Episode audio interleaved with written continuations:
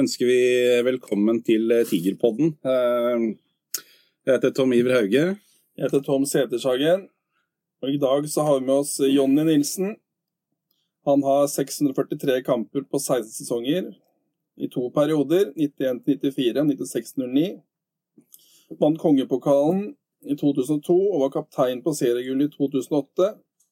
Han har også en annenplass på adelskalenderen hvor mest spilte kamper i Friss sin historie. 46 A-landskamper, og har samtidig hatt enten A eller C eller K på brystet alle sesongene. Så det første jeg lurer på, det er jo hvorfor hadde du K istedenfor C på brystet, Jonny? Ja, Det er en lang historie, men, men det er, den kan gjøres veldig kort. Eh, Når jeg begynte å spille eh, når jeg var U12, altså da er du 11 år, da, så, så var jo Sovjet veldig gode. Og der var en back som het eh, Fetisov. Han spilte alltid med K. Og så tror jeg faktisk gamle, eller en evigunge Truls Kristiansen også spilte med K en sesong. Jeg er ikke helt sikker på det, men jeg lurer på om han hadde K ja. på brystet en gang. Og Truls var en sånn liten barndomsfavoritt hos meg. Så det, men eh, det var jo Federov i utgangspunktet, nei, eh, Fetisov i utgangspunktet. Mm. Og så hadde Truls også K et år til. Og det blei en sånn greie som jeg hadde gjennom barndomsårene også. Så hvis jeg var heldig fikk være kaptein på et guttelag eller et småguttelag, så hadde jeg K. Ja.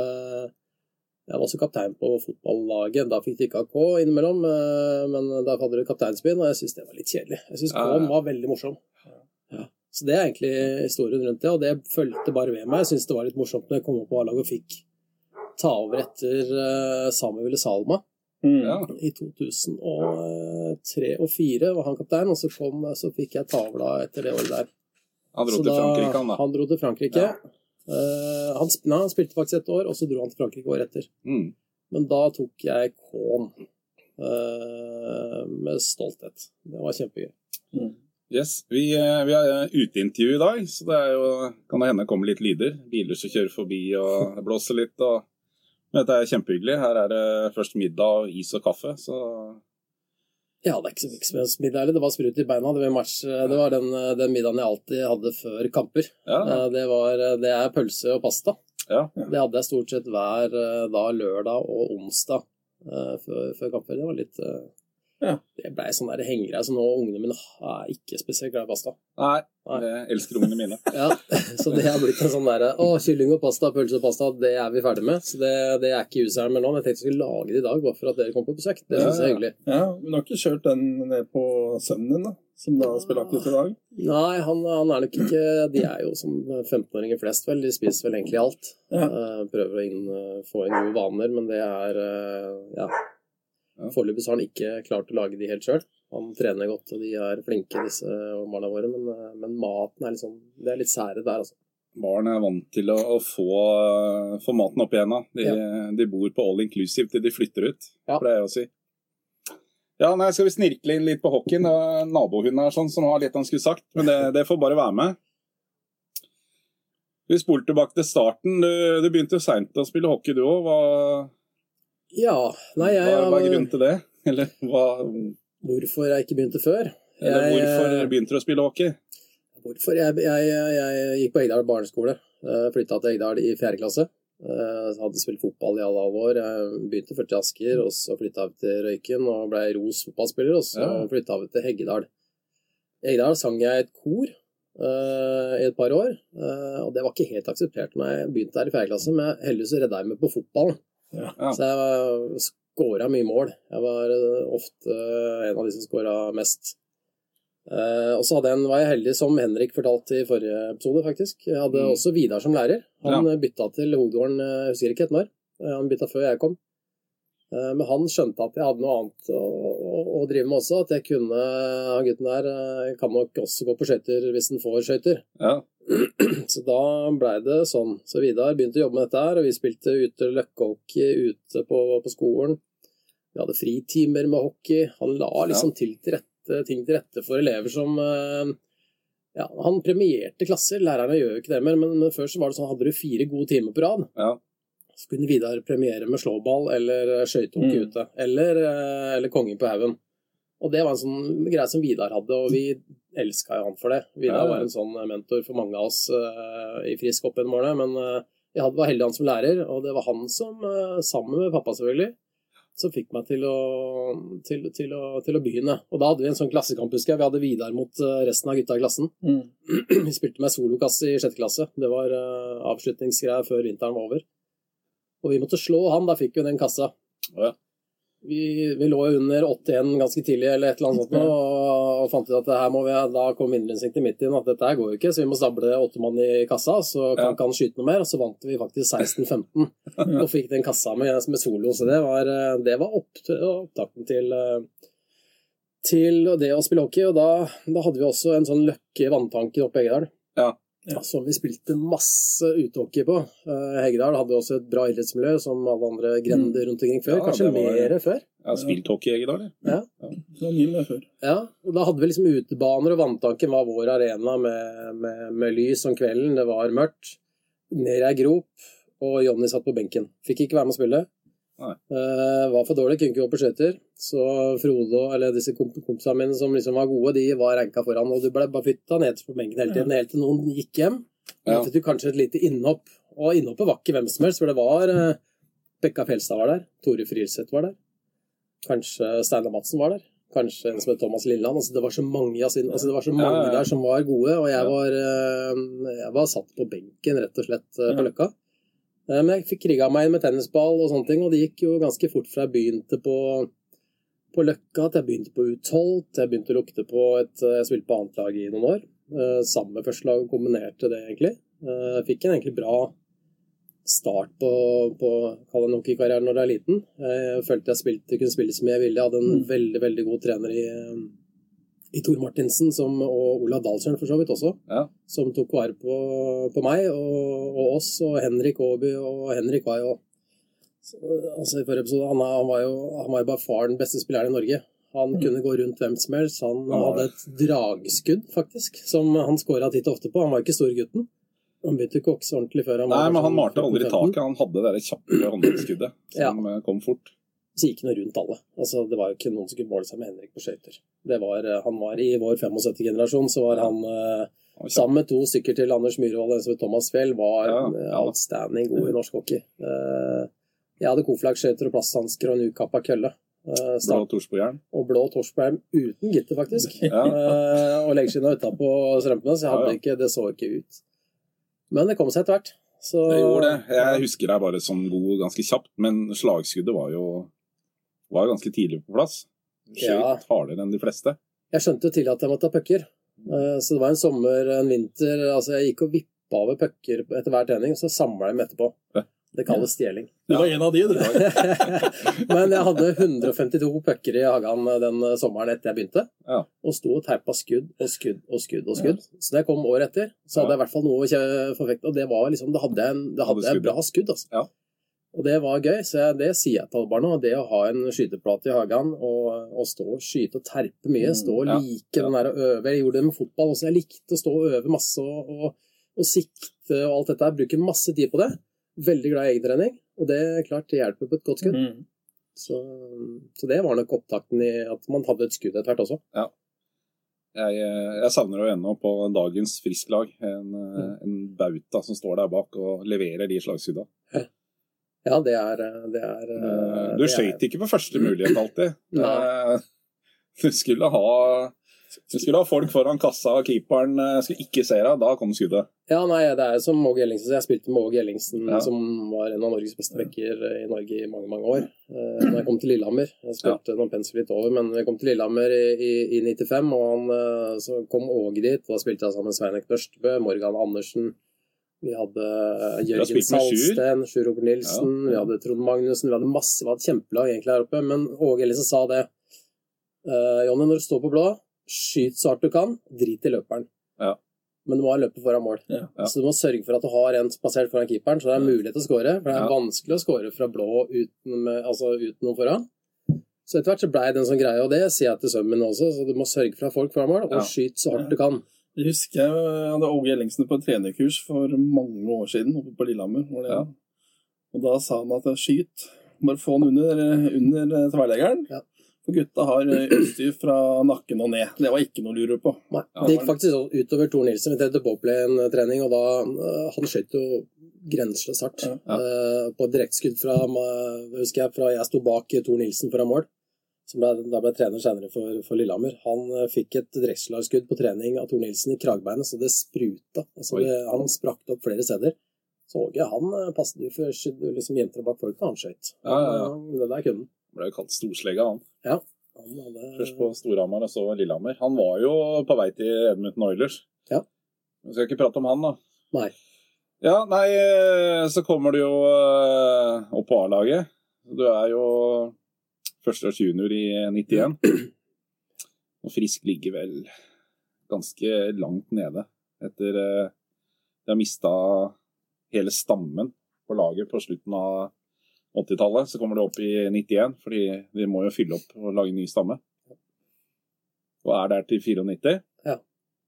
Det var en periode hvor eh, egentlig Askeråken lå som broken. Vi visste jo ikke helt hvor vi skulle hen, og jeg tror ikke planen var satt. Vi prøvde vel noe som het Askeråken-periode, Ja, som 92. skulle starte opp og liksom virkelig løfte det opp hardt. ja, det skulle bli et AS, det. Skulle bli et AS, og vi danna vel et AS også. Ja. Men, eh, men vi, hadde, vi hadde jo da et veldig, veldig ungt lag. Vi hadde, da hadde vi Henrik Aabye kom opp faktisk et år for tidlig. Eh, Vi fikk ikke spille, men vi var med og trente hele den der U16-sesongen, altså Ja, ja. guttesesongen. Uh, fikk ikke spille, men det var jo mange av oss som spilte allikevel. Ketil spilte fast, Bekka Felstad, Ja. som var ikke sant, Michael. Bauta, Michael Smithers, ikke minst. Han var jo helt fantastisk uh, for min del når jeg kom opp. Han Ja, var hadde en sånn, en sånn kapteinsemne som, som var varm. Han tok vare på alle unggutter. Han Mm. var, eh, det var jo lett å komme inn i A-laget for en Ja, ja. gutt som meg. Jeg var en stille og rolig sjenert gutt eh, på den tida der. Jeg tok ikke så mye plass, men Smithers tok litt opp deg under vingene. da Ja. og fikk deg med hele tiden. Så han blei også kaptein eh, senere i Asker, og faktisk på landslaget også. Han har et. VM som kaptein. Så han hadde veldig god evne med oss unge. Og, og, men den gjengen vi var da, med, med, med unggutter, det var jo veldig, veldig gøy. Men vi hadde ikke så mange Vi hadde ikke så mye hjelp av de eldste gutta. Det var liksom Eldstemann var da Dag Høiem og, og, og kanskje Per Martinsen. Thomas Christiansen Thomas var i midten der en periode. Ja, og det, det var en bra gjeng, det, men vi var for få. Det var Mm. Alderen var liksom, Da var Dag Høiem og jeg var 16, da var han 2-23. Ja. Thomas Christiansen var kanskje et år eldre eller to. Eh, Men det var liksom, Og så hadde vi Frenchy, og det blei for smått mot eh, gode lag som Furuset, som hadde da Ja. rutinerte gutter med Geir Hoff og, og Brian Tutt og, og, og Tommy Jakobsen. Ja, ja. Så det var masse bra. Vålinga var bra. Vi hadde Ja. Trondheim som var bra. Det var mange liksom rundt oss som, som Så vi klarte ikke helt å vi sleit opp og ned. Det var et sånt annet seriesystem da hvor vi spilte opp et hjul og spilte ned et, Ja, et hjul, og det var Ja. veldig tøft. Altså. Det var tøft det var mentalt for mange. en stjerne fra den tida som hadde fortjent et bedre lag, het Tim Budi. Jeg om du Ja. spilte med han? Jo, spilte med han eh, bøtta inn en del goller. Han var stoppskudd i Lillehammer, for så vidt. Ja, ja, du spilte med han i Nei. Lillehammer? Nei. Jeg tror han var innom Lillehammer før de ble norgesmester. Det stemmer. Så det var, vi hadde, det var, det var tøffe år. Vi hadde, Og det å rykke ned da, det var jo For min del så var jeg så ung. Jeg var 18-19 år. Ja. Eh, Selvfølgelig vanskelig. Jeg er friskhjert og, og, og vært med å krige alle, men jeg følte liksom at vi hadde jo ikke så mye 18 år, hva skal vi bidra med, liksom? Vi kriga så hardt vi kunne, og vi trente ekstremt mye. I hvert fall mange av oss. Henrik Aabø og jeg, vi kom på et sånt eh, forbundsprosjekt når vi var eh, 14-15 år. Og fikk en sånn der treningshverdag som var egentlig tilnærma den dagen som er i dag. Ganske profesjonell ganske tidlig. To økter om dagen. Vi skulle vel dokumentere 20 timer i uka til forbundet, Olympiatoppen. Vi blei utstyrt med en som het Pella Refsnes, som dessverre gikk bort her eh, for en åtte-ti år siden. Eh, En fantastisk eh, styrkedoktor på toppidrettssenteret, sammen med Jon Aase Mm. som er nå fysiotrener for Vålerenga. Men, men den der kulturen og den, den gjengen vi blei i den årgangen kanskje 75-74, Ja. 76 med Mats Trygg og disse her, altså Ja. vi hadde en kjempegreie på gang i norsk hockey. Og det blei jo også ryggraden i landslaget i eh, Ja 12-15 år. Ja. Uh, Mats Rygg spiller fortsatt ennå, og er, han er faktisk 44, blir 45. Gjort comeback hjemme, sånn. han Nå kommer ikke Eves tilbake Ja. til Eves. Ja, Det- Han signa bare en liten toårskontrakt, tror jeg. Så det er imponerende. Ja, det, det blei en bra grobunn der, mange av de dro ut og ble proffer i mange år også. Ja. Ja, Jeg tror ikke han var fornøyd i Vålerenga. Jeg møtte han etter en kamp i romjula i Asker. og nei, da, Han har egentlig bare lyst til å gi seg med en gang.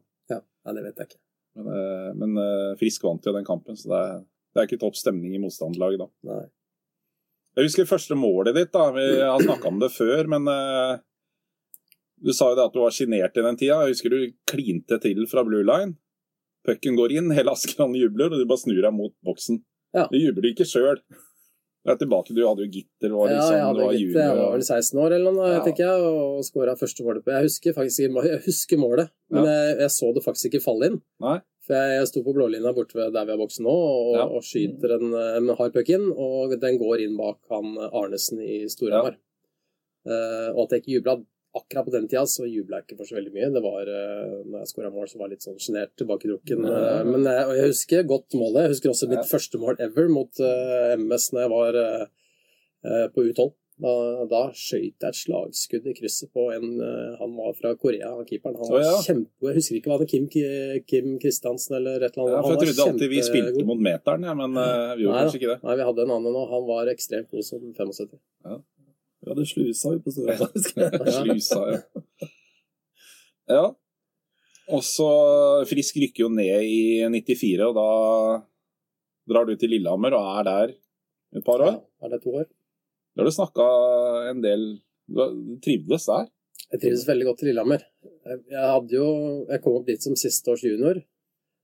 Og for første gang så fikk jeg eh, Historien er faktisk det at jeg satt bleiker og gikk handel og kontor. Og så, og så hadde vi rykka ned. Jeg visste ikke helt hvor jeg skulle. Jeg begynte å spille fotball igjen og hadde spilt en kamp på A-laget Tegedal også, i fotball. Så jeg hadde gitt meg for tre år siden, men jeg, men jeg, jeg tenkte at eh, det er gøy. Alle kompisene mine spilte fra Egedal. Vi var jo en bra gjeng der, så de spilte fotball. Og tenkte at det kan jeg også gjøre i år. Og så visste jeg ikke helt hvor jeg var hen.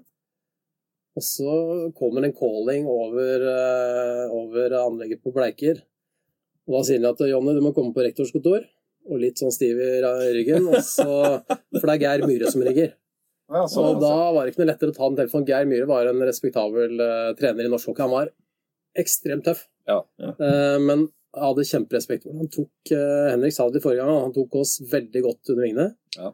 Vi var jo Henrik var fantastisk på skøyter, bra avslutter, målskårer. Jeg var en tøff back med, med ålreite hender og grei på skøyter den gangen. ja, ja. ja. Uh, Men, uh, men Geir Myhre så et eller annet i oss da, og tok oss med både Eller han tok meg til Lillehammer. Eh, Han var ikke trener i året, han ble landslagstrener. Så han mm. tok meg også rett inn på landslaget da den høsten jeg flytta til Lillehammer som 19-åring. Ja. Som siste års junior. Og det, det blei en sånn veldig fin tid der oppe. Nå rykka jeg frist ned, og de var der nede. Det var vanskelig å liksom dra flasker. Samtidig som jeg kom til et miljø som hadde vunnet NM-gull. Ja. Eh, De hadde stort frafall også det året der, i 94-95, for det, mange var der pga. OL-året, og de hadde Ja, ja, ja. fått en del penger med Geir Ja. Hoff og Tommy Jacobsen. Det var flere som var der, og det gjorde at de klarte å vinne det NM-gullet. Men vi satt igjen med et veldig bra lag da jeg kom opp dit. En treningskultur som var eh, beinhard. Vi hadde en Pavel Solski som trener. Ja. Han eh, lærte oss egentlig å få ordentlig trening inn i kroppen. Eh, I hvert fall vår del som kom fra Aske, for det var litt sånn Kommer du på trening i dag, så er det greit. Kommer du ikke, så er det greit, det også. Mm. En periode. Eh, Mens da begynte den ordentlige hockeyen, følte jeg, i, i. Lillehammer. Vi begynte å trene to ganger om dagen. Jeg følte nesten, at vi trente mer seriøst en periode der oppe den gangen enn det kanskje man gjør nå. Jeg vet ikke hvordan det, helt hvordan dagen er sammensatt, men da hadde vi tre økter i uka mandag, onsdag, fredag, hvor vi hadde dobbeltøkt. Ja. Vi hadde fri på søndager. Nei, fri på lørdager, faktisk. Vi hadde dobbeltøkt på søndager eh, i barmarkssesongen. Eh, Vi trente beinhardt. Vi hadde, da hadde vi, vi hadde Trond Magnussen kom, vi hadde Jo Espen Leibniz, vi hadde Ja. eh, Morgan Andersen, Jørgen Salsten, Åge Ellingsen, eh, Nørstebø, Trond Magnussen, Sjur Robert Nilsen. Mange med veldig veldig god treningskultur. ja. Det var ikke eneste fra Asker heller. Nei, jeg var faktisk, det var veldig hyggelig da jeg kom opp der, for Per tok meg veldig godt imot. Ja. Så jeg hadde, altså Per, eh, per kom jo tilbake igjen også. Jeg synes det er veldig hyggelig at han kom hjem igjen også en, kort, kort periode og, og spilte noen år med oss. Ja. Uh, men det var veldig ha Per der oppe, og veldig trygg i det. Selv om Per er noen år uh, eldre enn meg, så, så var han liksom en sånn Han ble der lenge. veldig bra fyr og en sjenerøs fyr når du kommer opp i et nytt lag. Så trygt å komme opp på Lillehammer. Selv om det tok litt tid før jeg følte meg liksom helt vel inn i, i rekkene der, og, og, og fikk vel kanskje ikke den rollen jeg følte at jeg ville ha. Det var jo tøft. Eller mange om beina der oppe. og og det å spille seg inn i powerplay eller liksom få mulighetene sånn når du har eh, store kanoner på, på blålinja, det er Mathias Andersson spesielt på bekken også. Kjempetøft. Så jeg hadde vel eh, to veldig bra treningsår der oppe. Lærte masse.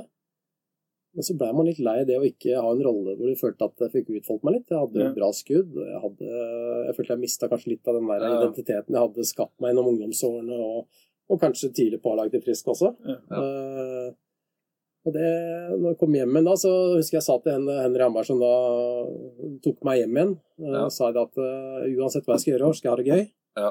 Jeg skal begynne å produsere poeng. Jeg skal gå på skøyter. Jeg skal være offensiv.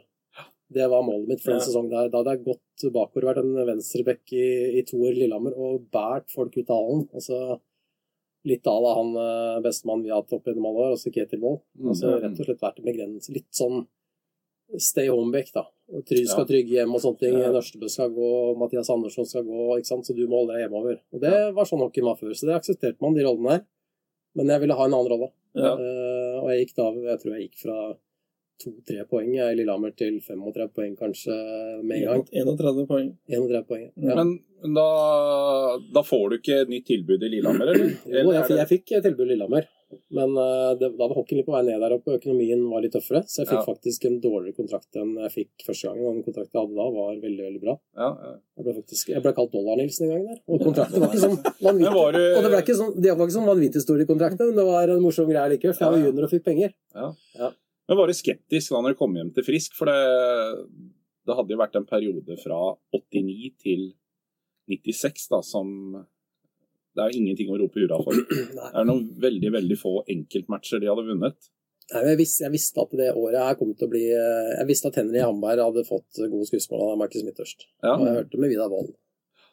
Eh, og jeg så jo sesongen deres året før. Vi med Lillehammer tapte mot Frisk et par matcher. Ja. Med, da var Darren McKay der med, og sånn, men de slo oss i, Lille, i Askeland. husker Jeg Jeg tenkte at fader. Ja. Ah, jeg var litt misunnelig på dem, egentlig. For jeg, da spilte jeg jo den hockeyen jeg egentlig ikke ville spille. Ja. Mens jeg så de tura jo på med den morsomme hockeyen, så røyk vi mot de. Ja. Vi hadde et bra, vi fikk to tredjeplasser de årene jeg var Lillehammer. Ja, Nesten finale. Uh, men jeg tenkte at nei, dette blir bra. Så uh, skulle Ketil plutselig komme hjem, og så hørte jeg Kyle begynte å lurke litt i bakgrunnen. Ja. Raymond Lunde var der. Stefan var. Ja. Ikke sant? Og vi fikk en sånn superrekke vi det første året. Jeg var heldig og fikk ja det, var den, det var eh, den rekka der. Det var Steff, Raymond og, Og Kyle. Ja. Og så hadde, hadde jeg, spilte jeg da sammen med Pekka Fjelstad, eh, en annen Egdalsgutt. Eh, Og det var jo veldig morsomt. For da spilte vi, vi fikk, jeg, fikk, jeg fikk faktisk, jeg var så heldig, jeg fikk spille sammen med Kyle i seks år. Ja. Seks av seks år fikk jeg spille med Kyle. Jeg slapp å slite med ham på trening. Ja. Jeg slapp å, å gå én mot én, jeg slapp å gå i, matchsekvenser med han. Ja, Og det var liksom ah, Kyle var et mareritt for uh, alle på trening og i hele Norge. Han var jo en sånn uh, Var han var en ekstremt uh, dedikert profesjonell spiller. Han, det er vanskelig å si Men tror du han hevet nivået på treningene og treningshverdagen deres?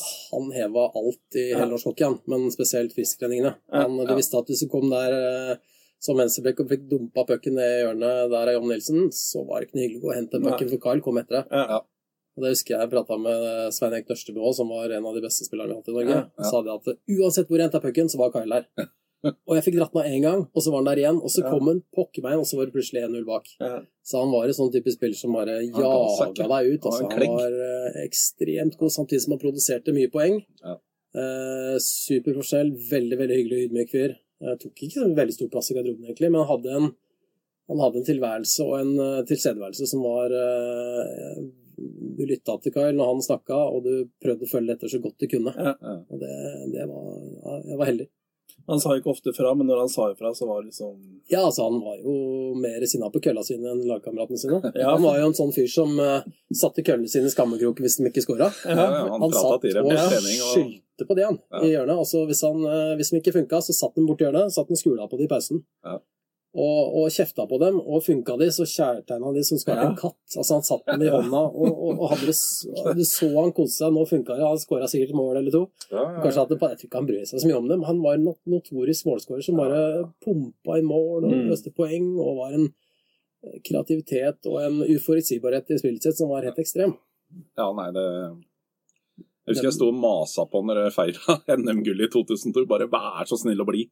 Mm. Nei, nå, nå var han gammel. Ja, men hallo, se på stjernen i NHL, jeg er 40 år. Han var jo ikke 40 år. Nei. Men eh, det var nok nok. Han kunne vel, om jeg ikke husker helt feil, så kunne han spilt også Oldboys hockey samme året som vi vant. Å ja, det tror jeg helt sikkert. Jeg tror Ja. han var 36 eller 7 når han kanskje ga seg. ja. Ja. Ja. Og nå er jo gamlefar i huset 40 snart, så han Basse så han kunne spilt i Ja, ja, ja. mange år til han med Ja. den, eh, den kroppen sin. Og vi var mange på det laget der som begynte, altså hvis vi prater om 96, 97 og 90. Vi hadde liksom Henrik Aaby kom hjem og kom tilbake fra skade. Ja. Eh, Ketil Wold, ikke sant, med sin aura, den derre Du visste at det var trygt rundt deg hvis også Ketil var det. Ja. Eh, han har alltid en sånn eh, en ro i det han driver med. Samtidig som han kan være Det kan gå helt rundt. Og det er Ja. deilig å ha en sånn type på laget som vet at han der, han kan faktisk eh, stå opp for deg. Og bryr seg så mye om deg. Det er et stort hjerte i hele gutten. Og det er, eh, det er en eh, tilstedeværelse som er på isen som er et ekstrem. Jeg tror, jeg tror det er veldig få i Norge som hadde akkurat det rundt sånn 98 til 2002, prater vi om kanskje da. Sånn Ja, ja. spesielt hvor Øystein Olsen og han, men jeg kanskje var de som var viktigst for lagene sine. Mm. Visste at, Jeg veit at Tom Erik Olsen ikke likte å gå inn på høyresida når, eh, når, når det var håpløst for Storhamar. Du kom til å få deg en smell. Mm. Ja, Ketil, ja. Ja, og det fikk du kanskje som backpartner også, for han Ja. rasa jo dette er som bowlingkule alle sammen. Altså, det var jo det var kjempevondt. Det var helt sjukt. Jeg har noen av de. Så, så det er en trygghet å ha sånne bautaer i laget. Og dem var vi mange av. Henrik Aag var en av de igjen. ikke sant? Vi hadde Vidar Wold bak i mål. du fikk ja, ja. Samuel Saloma. Mm. Vi hadde Stian Berntsen. altså Vi hadde så mange Lars Håkon Andersen. Vi fikk jo landslagsflyt i Asker en periode som eh, de sto på døra og banka på og ville spille med oss. Derfor Ja, var, så tror jeg altså vi vant det NM-gullet i 2002 også. Ja. Eh, vi, ja det var jo etterlengta, da. Ja, og det var mange som ville vinne der. Lars Håkon ville vinne, Joakim Sæther ville vinne, Ja. Stig Vesterheim ville vinne. Altså, Mm. det var mange mange, mange der som ikke hadde kanskje oppnådd så mye i forhold til medaljer. så jo det på innsatsen der òg, ikke sant. Det var jo Nei, vi hadde, hadde, et kjem, vi hadde en fire-fem kjempeår der, rett og slett. Ja. Med oppbygginga. Det var ganske interessant fra 96 til, for da hadde du en plan. Ja da. Og den funka. Vi gradvis gravde oss inn på denne gullet, og vi Mm. feila skikkelig i 2001. Vi tapte vel tre stak mot uh, Ja, det. Ja. Men det var, det var jevnt i Askerhallen. Ja. Det var jevnt på Jordal òg. Det var vel 2-1 vi tapte der. I Askerhallen så er det vi tror vi ledet 2-0 i to kjempeindianere av dessverre Sami Ville og Lars Erik Lund, som Jonny Fjelstad står på rett innenfor blue line og Ja. setter opp i krysset. Ja, Det er bare sånn tilfeldigheter, ikke sant? Ja, vi var kanskje ikke helt modne nok for, Der og det, for der og da det året der. Sånn. Det kom jo gradvis inn med Search også. Search kom jo inn uh, i 99. Mm. Ta, ta, altså han tok jo over etter Henry Hamberg, som også har gjort en kjempejobb med, Ja med den gruppa vi hadde. Vi, han, han også lærte oss å trene mye. Vi hadde en fantastisk barmark fystrening. Mm. Uh, vi fikk flere og flere spillere, og han hadde en sånn lekenhet i spillesett, han òg, som, Ja som var veldig morsom. Men så etter hvert så, så stoppa det opp. Og, litt ofte så er det sånn med trenere at de, de brenner veldig mye krutt. Det tar ja. veldig mye engasjement, og etter hvert så kanskje du trenger å bytte Mm. gruppe. Og det, det opplevde jeg flere ganger med trenere, at det, det er veldig vanskelig å drive en gruppe i mange, mange, mange, mange, mange år uten å liksom få en liten dipp. Den dippen fikk kanskje Henry, og den fikk kanskje vi som lag også. Eh, Det hadde ikke noe med han å gjøre, det hadde noe med kanskje gruppa og det vi drev med. Ja. Han var jo en, fortsatt en like stor eh, Han var engasjert. Men vi røyk på match i Stavanger, og da ble det rett og slett for mye, så vi, da fikk vi en search. Ja, Search kom inn på bonusrunde mot MS, og da var det Ja. Da snudde det jo. Ja, vi vant vel begge matchene der, jeg. taper den ene, og så vinner Frisk. Og så er Og så vinner vi mot Furuset borte. Ja, men vi slår Vålinga borte også. Ja, da var det første på sju år i Ja. Jordal. Så det var mye Og da er trua tilbake igjen. Det skal ikke mer til. Nei. Og vi, vi som var i gruppa, hadde nok trua, men, og det var kanskje litt av derfor Henry også måtte gå. For vi følte vel at vi hadde bedre lag enn det vi klarte å prestere. Ja. Vi, vi underpresterte kanskje en gruppe også. uh, samtidig som vi trengte en ny inspirasjon i front der. Og det, det kom med Search inn og tok på dagen. Altså Jeg tror han nesten slutta på en fredag og Kårstad på en søndag. Han spilte Ja. nok i Vålerenga. Nei, og han ga seg, og jeg husker det var litt sånn Shit, nå kommer det en fra Vålinga skal ta over frisk. Ja, Det skjer? det Jeg tror det var Men, flere eh, som tenkte det. Det var fort glemt når han begynte å vise resultater. Jeg så det på trening. Det var, Ja, så det var ikke lurt å ikke komme hvis Search blåste i fløyta. Jeg tror, og Han hadde en enkel filosofi. Skulle jobbe hardt og gå fort på skøyter. Ja. Og pucken skulle inn i mål. Ja. Og vi var en gruppe som absolutt kunne det. Det kom jo flere og flere som kunne det enda mer enn det kanskje vi fra Asker gjorde. Vi kompletterte jo med Lars Håkon Andersen, kom fra Lillehammer da vel. Men han har også skåra 45 mål som junior i Stjernen. Ja, Mm. ja altså, han, ferdigheter. jeg skjønte det sånn at det var eh, Han fikk vel ikke det han ønska seg i Stjernen, da. Nei. Og det blei litt uenighet på kontoret, og så tok han eh, kontakt med Frisk, og så var han, var han plutselig frisk. Ja, jeg tror Eh, ingen ikke ville ha Lars Håkon. Han var et treningsglad. Han var Ja, ja, ja. seriøs til Altså 100 seriøs, Ja, og hadde et skudd som var ekstremt. Ja da. Eh, og, det, det, han, og det var en type som Search også likte. Uh, altså, og, og alle måtte like. Vi hadde ja. jo fått enda en spiller som kunne gjøre oss til et eh, NM-gullag. Ja. Mens treningen var forholdsvis enkel. Vi hadde kanskje åtte-ti øvelser totalt i løpet av de årene Search var der. Ja, ja. Men de skulle gå 100 hver eneste gang. Det var ikke snakk om å ta et hvileskjær. Det var mye bekktrening, husker jeg. Det var Masse bekktrening. tre-fire skjær bakover og direkteskudd. Dere terpa på det mye, altså. Jeg tror nok den, eh, og det tror jeg nok alle backer. Altså, du vinner, altså Mesterskap vinner du med gode backer og en bra keeper. Ja. Uh, Skåre mål gjør du alltid, men eh, de å ha gode backer og bra trente backer, eh, det tror jeg er eh, veldig veldig viktig. Jeg ser alle de trenere jeg har hatt opp gjennom årene, er jo, selv om de har vært løpere før men Roy Johansen var akkurat samme på landslaget, han Ja, også. ja. Han eh, coacha bekkene på trening. Han, Og han visste at det var det som måtte er, til, og eh, måtte kreve mer av de. For det, vi spiller oppspill, og vi er igangsettere, og løpere kan skåre mål. Ja. Mm. Så det å ha løpt bekker i form, det er, eh, det er Det er rart ikke Roy, eller Stavanger har vært og lagt penga på bordet til Roy. Det er det helt sikkert gjort. Ja, eh, prøvd seg på alt, tenker jeg. Det har nok prøvd seg på alt. Det er- min påstand, uten Ja. at den er bekrefta noe sted. Men eh, ja, apropos det, eh, sidespørsmål.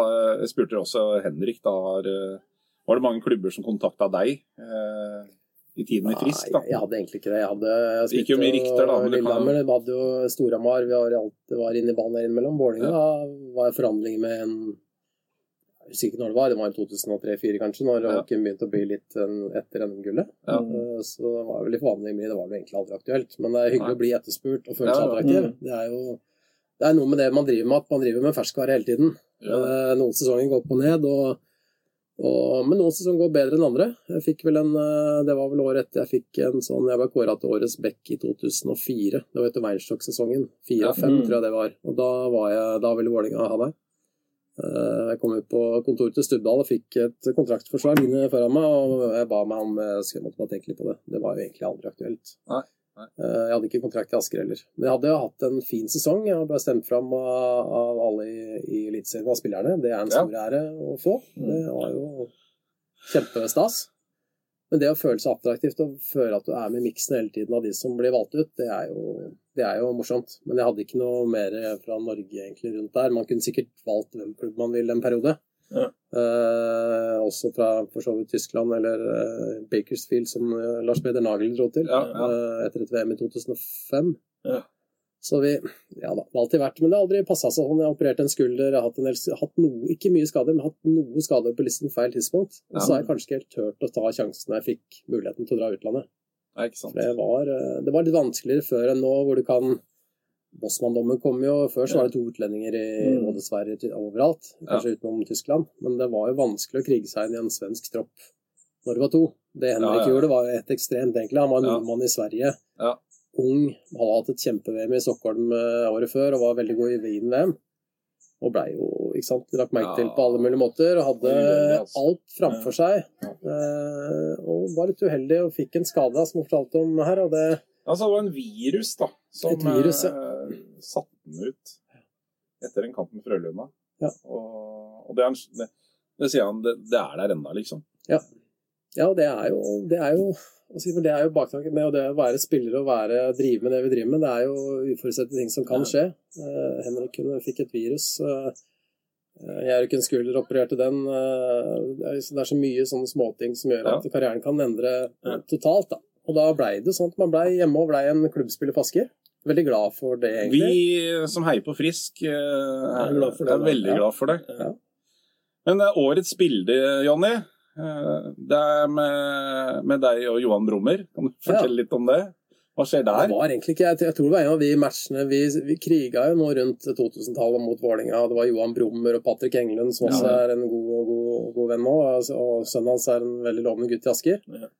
Eh, som, eh, og den gjengen der med Barklund, og det var eh, ikke sant, mange gode. Ja. Atle Olsen, ikke minst.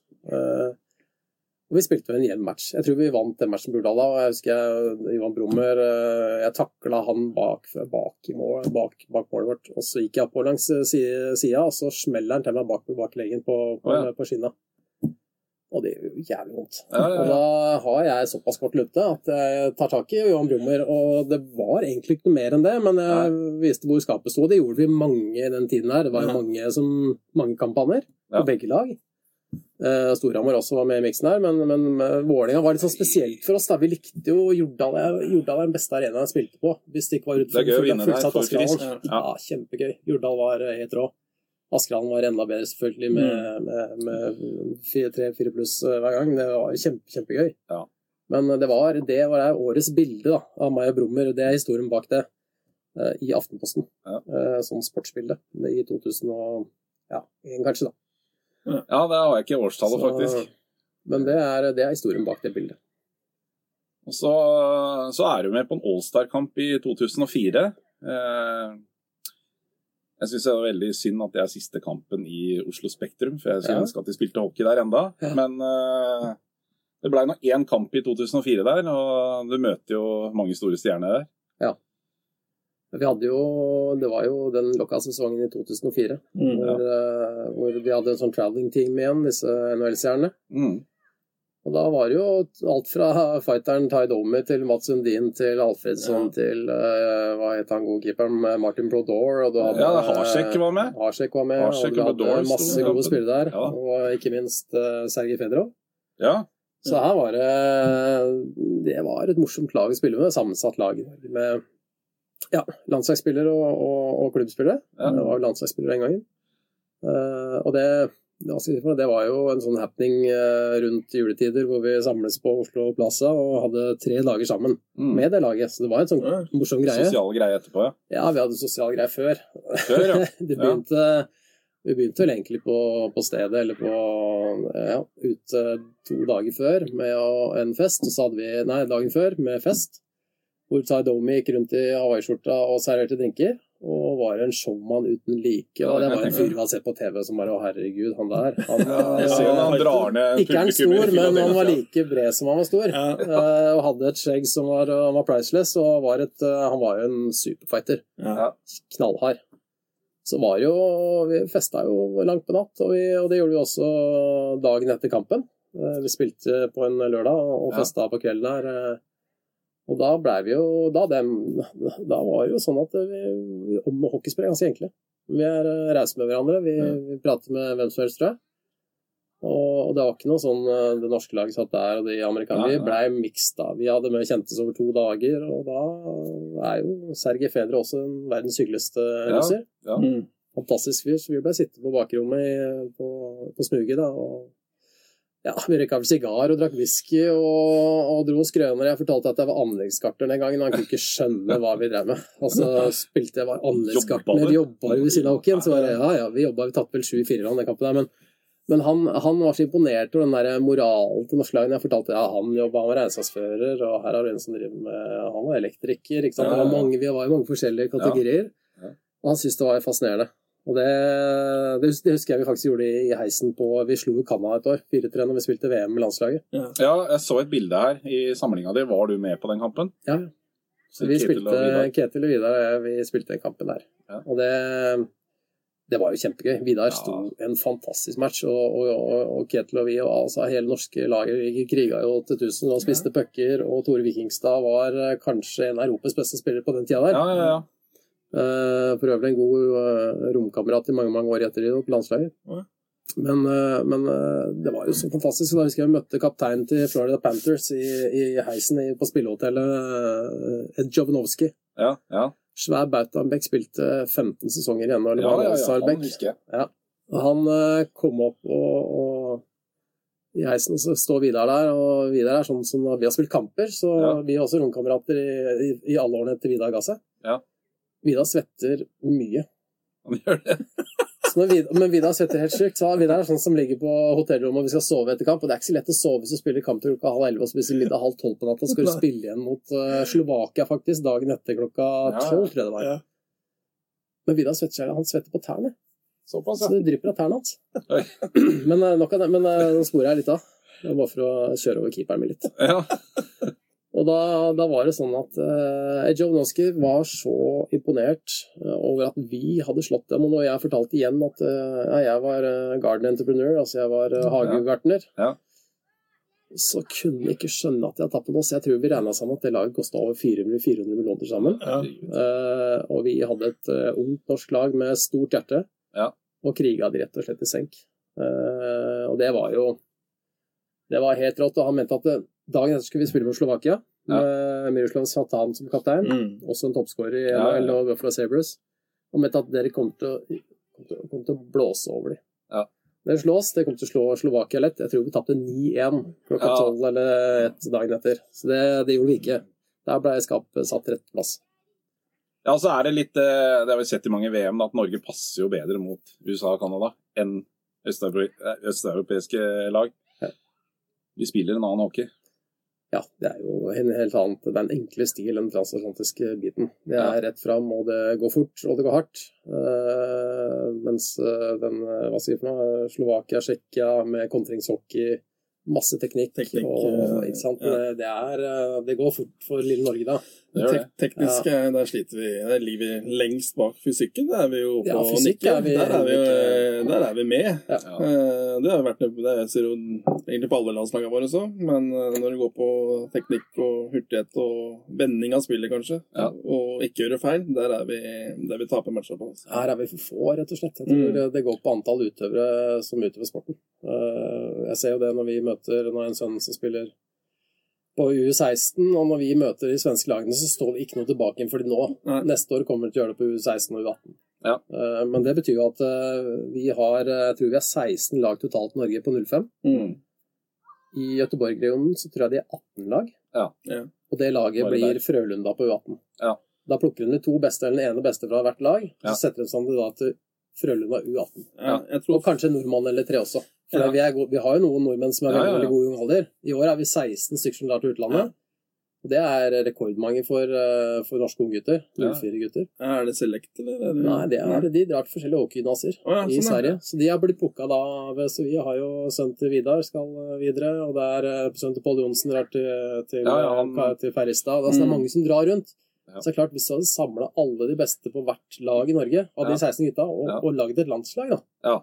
så kunne vi kanskje hamla opp med akkurat Frølund. Ja, ikke Ja. sant. Problemet er at de har 20 lag til Da. Ja. Ja, ja. Så det er jo antall spillere. Jeg tror, Ferje, jeg tror Ferjestad plukker fra 14 forskjellige lag. Ja. Det er Karlstad. Det er jo ikke det er en Nei. mindre by enn Gøteborg. ja, ja. Absolutt. Nå Det er, tenker ikke sant, det er ishaller overalt. Ishaller og kultur, ikke Ja, minst. kultur, ikke sant? De er vant til å trene mye og har mye Alle istid. har skolelag. Ja. Egen Ja. ishall å trene i. masse regionslag i byen, ikke sant. Ja. Det er bydelslag. Ja. Det er, eh, det er egentlig der vi burde ha vært, etter min mening. Men Ja. eh, Ja, nei, skal vi gå videre? Eh, K-en har kommet på brystet. CSM-hjelmen på huet. Vi, vi snakker 0708. Eh, Det kommer opp et talent da som vi har sett året før, som var fantastisk. Ja. Uh, Og det kommer et tvillingpar fra Canada Mm. som gjør en tryout. Og tilfeldighetene gjør at Frisk vinner seriegull. ja, Og det har du omtalt til meg at det føltes nesten større enn å vinne i 2002. Ja, for vi, altså, vi, vi hadde jo et lag som var altså, Vi hadde året før, i 2006 og 2007, så hadde vi egentlig ganske bra lag. Vi hadde Ja. Jonny Brun, Cato Kossa, Henrik Aaby Ja eh, og en del garva Mm. rundt som valgte å gi seg.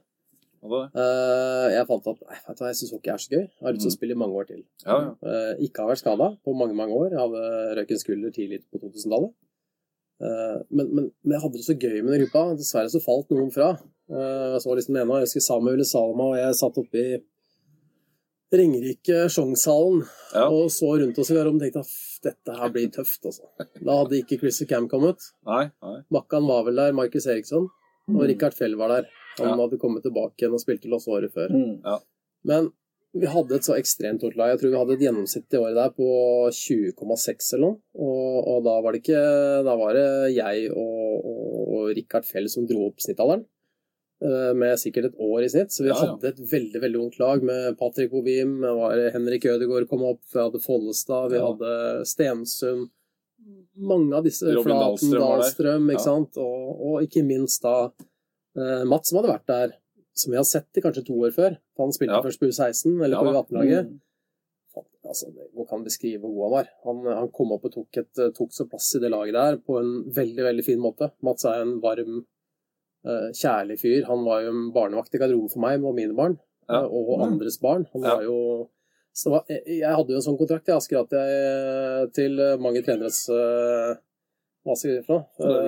Eh, Ja, det vil jeg si. For jeg, jeg hadde to dager i uka jeg måtte hoppe av isen tidligere for å hente barnet i barnehagen. Ja. Det er ikke så mange som har hatt i norsk hockey noen gang, tror jeg. Nei. Men jeg måtte gå ti på halv fem for å rekke barne, altså barnepasset eller barnehagen til klokka fem. Ja. Så vi måtte legge opp treninga to ganger i uka. Til hvordan jeg var så Sune var jo litt varm i toppen for det innimellom. Men allikevel så fikk vi det til. Det sto i kontrakta mi, hadde det klarlagt. Ellers så kunne jeg ikke spilt hockey. Kona mi driver butikk i Asker, og vi hadde så mye annet på agendaen også. Det er vel en sånn kontrakt kanskje Henrik Ødegaard må få hvis han fortsetter. Ja, ja ikke sant. Og de kontraktene er jo ikke lett å få tak i. Den er, og jeg, jeg vet egentlig ikke om jeg hadde akseptert den sjøl hvis jeg var trener. Nei. Nei. Men jeg, jeg fikk den da, og- og det, det var jo for så vidt Jeg følte jo egentlig at i de to-tre siste årene jeg spilte, så hadde jeg en sånn oppadgående kurve. Jeg hadde Ja. produsert et bra med poeng, jeg spilte i gode rekker. Jeg tror jeg endte opp med Du hadde noen faste, 40-50 poeng Mats. eh, et år der, og, og jeg lå vel og vaka rundt 40 stort sett hele tiden. Ja. Eh, Men Mats, altså, tilbake til han, så, så, så, så var det ekstremt uh, gøy å ha spilt med sånn kalibersmann. Han kom inn, tok den uh, Han var ikke storgutten, 1,70, noen 70 høy, Ja, ja. Og så ut som en unggutt. Men skøyt som en hest, hadde et tåleskudd som var helt ekstremt hardt. Teknikk og fart som var helt unikt, og blikket hans som liksom eh, Han kunne se en vei og spille en helt annen vei. Og den er det ikke mange som har hatt. eh, og som Henrik sa i forrige episode, så, så tror jeg nærmest, Det er jo Espen Sjampo, da. Espen var unikt god, han også. Han kom, jeg husker jeg var så imponert over han. Da kom han fra, da spilte vi BVM i, i Zagreb.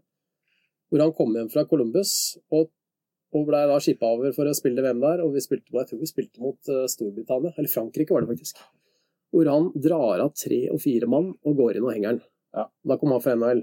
100 profesjonell. Ja. Ydmyk til 1000. Og ekstremt god. Ja. Mats had, har akkurat det greiene der sjøl også. Han er 100% lojal.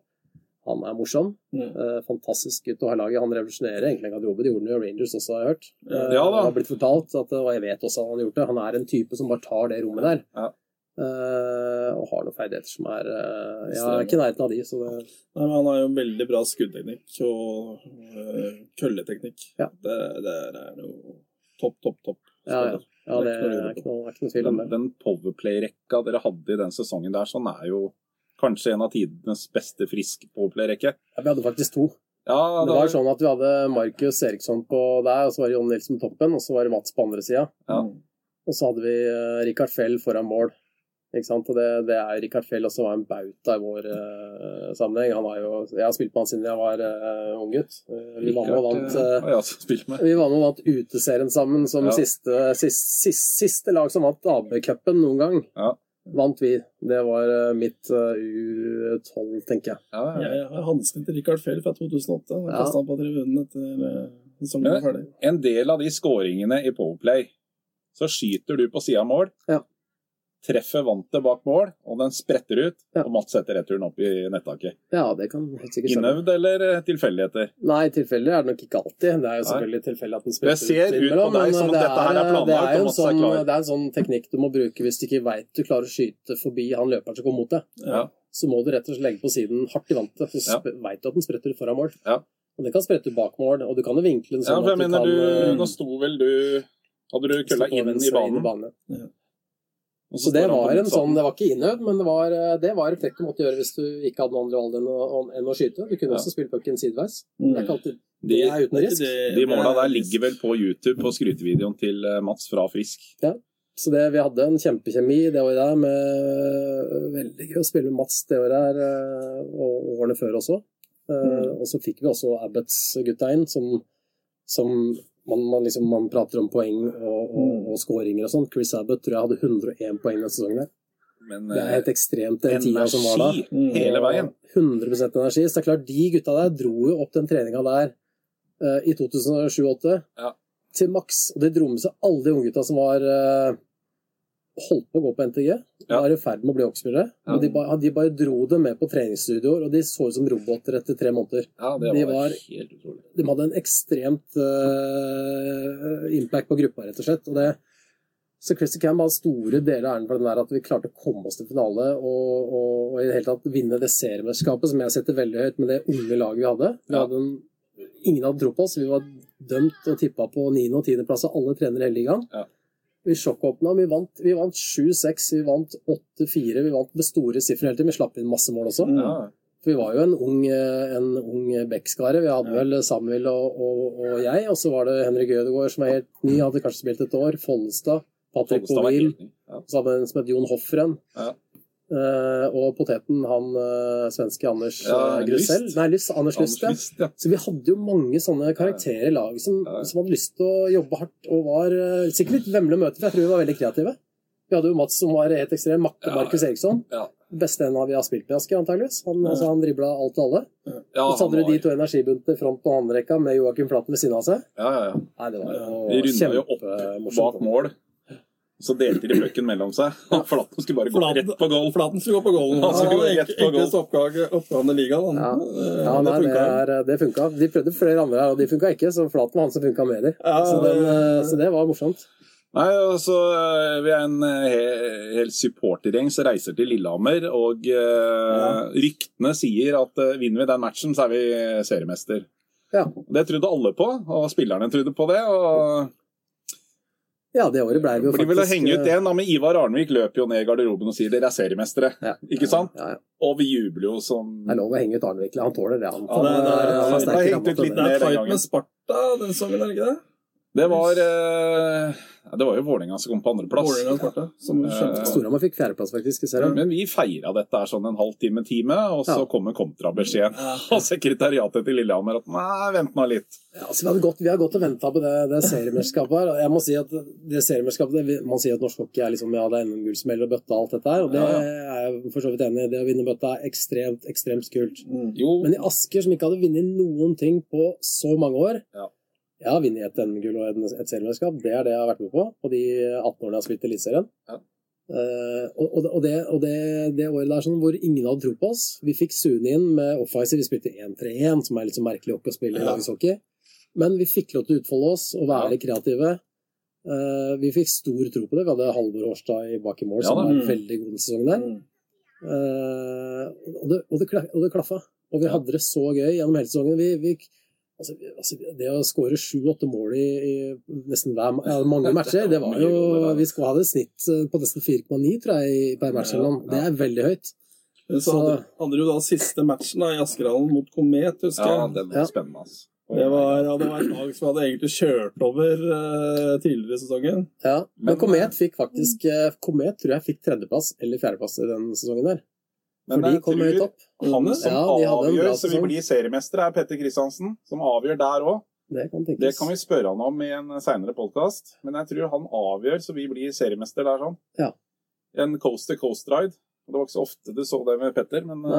eh, minst det var han som avgjorde Petter hele også er greia. en sånn spiller som alltid har vært der, som Ja. fortjener eh, alt. Han har vært med siden, eh, ja, siden den gjengen jeg nevnte i stad, og før det. Han kommer Mm. opp i, i den 85-generasjonen. da. Ja, ja. uh, han eh, har vært der som sånn rolig arbeider hele tiden.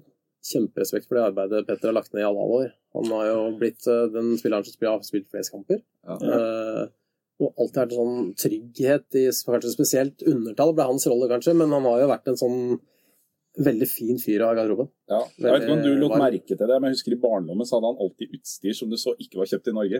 Ja, han hadde, han hadde en Cooper-hjelm. Ja. Den sånn, Den får du ikke kjøpt i Norge. Den så Nei. alltid og så på når han trente. Han var bitte, liten. Ja, og så var det redningsdrakt man husker jeg fra da han var Ja. liten. Ja, altså Terje, faren hans, var jo bestekompis med Barry Smith. Barry Smith, ja. Fra gamle tider. Så de har, eh, det kommer sikkert Petter til å fortelle mye mer om det jeg Ja. kan. Men eh, det er klart han hadde nok tilgang til noen andre utstyr enn det vi hadde. Ja, det var hadde- mye Jofa Co når vi vokste Ja. opp, og det var Tommy Bøhmer som leverte. og Skulle du ha noe CSM, så måtte du kanskje på Jordal Sport. Ja. Få tak i det. Petter Bratt. Ja, jeg vet ikke om det var han som solgte den gangen. Det var, det var en butikk som var totalt kaos. Lå, Ja. mer, lå mer over himlinga da det var i Ja, butikken. Ja, men i hvert fall det, det tilbake til den, den, eh, den, den avgjørende finalen mot Komet, da, hvis vi kan si det for Ja. seriefinalen. Så var det klart det når du vinner, eh, først vinner to dager før mot Lillehammer borte. Og vi jubler som eh, seriemestere. Ja, det, og det. alle var, det var tårer og alt mulig. Og så får du kontra en halvtime etterpå hvor Nei, Vi vant ikke allikevel. Det er klart det er en spesiell greie. Så vi, Ja. Men vi fikk en bonus da, vi feira seriemesterskapet to ganger. Det det. Det er det ikke mange som har gjort. Nei, ikke mange som har gjort det. Vi, vi feira jo Asker etterpå. gøy. Vi feira veldig Asker etterpå, ja. Veldig, og det er jo kanskje noe av det samme med NM-gullet i 2002 for min del, hvor, eh, hvor da etter et seriemesterskap går det fakkeltog, altså hele veien fra Askerhallen Ja. til, eh, til torget i Asker, Ja. med smekkfullt av supportere, taler Alt det det innebærer, det hadde vi i 2002. Og det Ja. fikk vi også som et seriemesterskap uh, i, i, i 2008. Det er jo helt utrolig. En, uh, det er noe eget i Asker. Jeg har alltid vært stolt av å spille hockey i Asker. Eh, Jeg har alltid elska å gå i Asker sentrum og drikke kaffe dagen etter en seier. Kanskje like gøy dagen etter en etapp. Men jeg har alltid satt pris på det. Masse god samtale med mange folk jeg ikke kjenner. Ja. Liker å, å, å ta del av det og føle at den, den lille nerva som Og det er ikke alt man spiller altså Jeg pleide å si at sesongen min besto av 50 kamper. Og ti av de var kanskje veldig bra. Mm. Så hadde du liksom et uh, 20-tall på det jevne, og så hadde du tre helt ræva. Ja. Som de ikke var med på noten i det hele tatt. Og sånn er gjerne en sesong. Det går opp og ned når man har er barn, når man har liksom, søvn, når man har jobb. Og det er liksom det er ganske vanskelig å være hockeyspiller i Norge hvis Ja. du bare handler om deg sjøl, hvis jeg tenker meg sjøl. For det, Mm. det er krevende å ha full jobb, eh, delvis full jobb, og skal liksom prestere hver dag ut og inn. eh, Tre ganger i uka, kanskje. Ja, det trente jo tidlig også. Dere Ja. på is Ja, noen av år så ja, vi tjente tre, så vi måtte ha fritak fra jobber og, og sånne ting. Og det er ikke alltid den kabalen går helt opp med barn og koner og jobber og alt sammen. Og det, det er man tenker ikke på det som supporter alltid, men det er litt sånn slitasje i det. Det er klart det er det. Jeg har hørt om spillere som har uh, hatt kolikkbarn. Det Ja. Kan ikke være lett. Nei, og så sliter du med kanskje en skulder i tre måneder, eller et kne som har gått og hangla litt. Og, så, og nå hvor sosiale medier er kommet inn, hvor du får kritikk på nett, og du begynner å tro litt på det som står på nett også, det er en farlig finne på å lese det. Nei, men det er vanskelig å ikke gjøre det. Det er litt av motivasjonen det- min med, med Tigerpodden. Da. Det er å framsnakke hockey og Ja. fisk og, og Ja, i hvert fall ikke være med på den nettrollkulturen. Ja. Liksom, Seinest i går så var det en som måtte slenge drit om nye Askerhallen. Ja. Han kommer selvfølgelig ikke fra Asker, men det er sånn, hvorfor det? Er du ikke glad for at det kommer flere ishaller?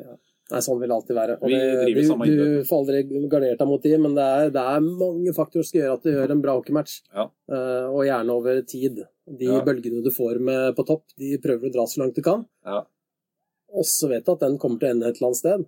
Og da må du jobbe deg opp igjen. Må det. Så det er krevende. Men jeg, jeg, jeg ser at jeg hoppa litt over eh, Jeg veit at du spilte med skade siste finalen i 2002. Ja. Eh, jeg veit at det lugger skikkelig for deg. Du, du, du har en én mot én der sånn. eh, Så det er eh, Det må ha vært tredjeperioden. Men eh, Ja, den husker godt. følelsen der Det er, rart, det er rart. Vi spilte tredjefinalen i Askerhallen. Og eh, jeg tror kanskje vi ryker den kampen, faktisk. Nei, altså, det er den vi vinner, vinner. da. Vi er den- vinner den tredje. Ja, nå, nå er jeg på femte finale. Ja, det er faktisk, det er faktisk tredje finalen. Ja, ok. Ja. Vi spiller hjemme i Askerhallen, og jeg har en én mot én mot Tom Erik Olsen bak mål. Ja. Og får hele vekta hans over meg på ja, hamstringmuskelen bak i låret. Ja. Og så revner hele den eh, i slutten av tredje periode. Så jeg, eh, da skjønte jeg at nå er den eh, matchen her ferdig. Jeg måtte gå av, men jeg tror det var bare to-tre minutter igjen. Det var ikke lenge igjen. Nei. Men, eh, og den tror jeg vi vant ganske fort. Eller vi tapte den matchen der, men vi vant da borte matchen 7-1 eller 7-3 eller et eller annet. Ja, vi tapte 5-1 eller noe. Hjemme, og så vant vi der oppe. 21 der oppe, eller noe. 22 eller noe. Men da var det faktisk så Og vi er mange som spiller med skader i finaler. Altså, jeg vet Ja, ikke om det ikke sant, det det i er kutt, og det er, det er slag, og det er blåmerker, og det er ispakker overalt, og garderoben ser ut som en slagmark etter Ja, en match. det. Du skal jo vinne. Ja. Eh, dessverre for min del så, så, så hadde jeg en nesten totalruptur, altså nesten avrevet Mm. hele hamstringmuskelen. Det er en kraftig muskel bak i låret. Mm. Så jeg sitter på kontoret til Search og egentlig bare sitter og griner, for jeg skjønte at nå er sesongen min over. Ja. Uh, og Search sier at slapp helt av. Du tar fri mot Storhamar borte, og så ser vi finalen, så ser vi på neste matchen hjemme. Og det var jo greit, det. Det er jo lett å tro på det. Mm. Eh, Så man omstiller det og begynner med behandling. Men jeg våkner opp om morgenen, og det gikk en dag til. Så kom jeg til Bredo Knutsen og Halvor uh, Jone, som var da fysioterapeuten vår, og det var, altså, det var svart. Det var helt, hele, hele beinet var svart. Hadde, det var bare rant blod av det. Det var kølsvart hele greiene. Dette her går jo ikke. Uh, så, men, men du må bli med til Hamar. Vi skulle spille på Hamar to dager etterpå. ja. Ja, greit. Og det er litt med den showen å vise at alle er til stede og det er et lag og alt dette her. Så ok, jeg får bli med, da. Jeg satt meg på benken. Jeg satt på benken hele kampen, spilte ikke et minutt. Nei. Tenkte at fader, dette er kanskje den ene sjansen jeg har til å spille finale. Og så gikk det to dager til. Følte meg litt bedre, så, men det er jo falske forhåpninger alt sammen. Men Sør sier at skal du spille? Og ja, jeg kan spille. Jeg er klar. Ja. Og jeg fikk eh, Paracet, og vi teipa opp og vi tjora fast det beinet. Jeg kunne nesten ikke gå på skøyter. Jeg var litt avhengig av å gå på skøyter. Ja, ja. Og det ble større og større, det beinet. Men jeg fikk spille hele den siste finalen, med unntak av de siste seks minuttene. Da måtte jeg Ja. si til Størst at nå er jeg faktisk en risiko for laget. Vi er 0-0. Jeg kan gå på den mina mot Ole Eskil. Eller Tom Erik. For jeg klarer ikke å gå på skøyter.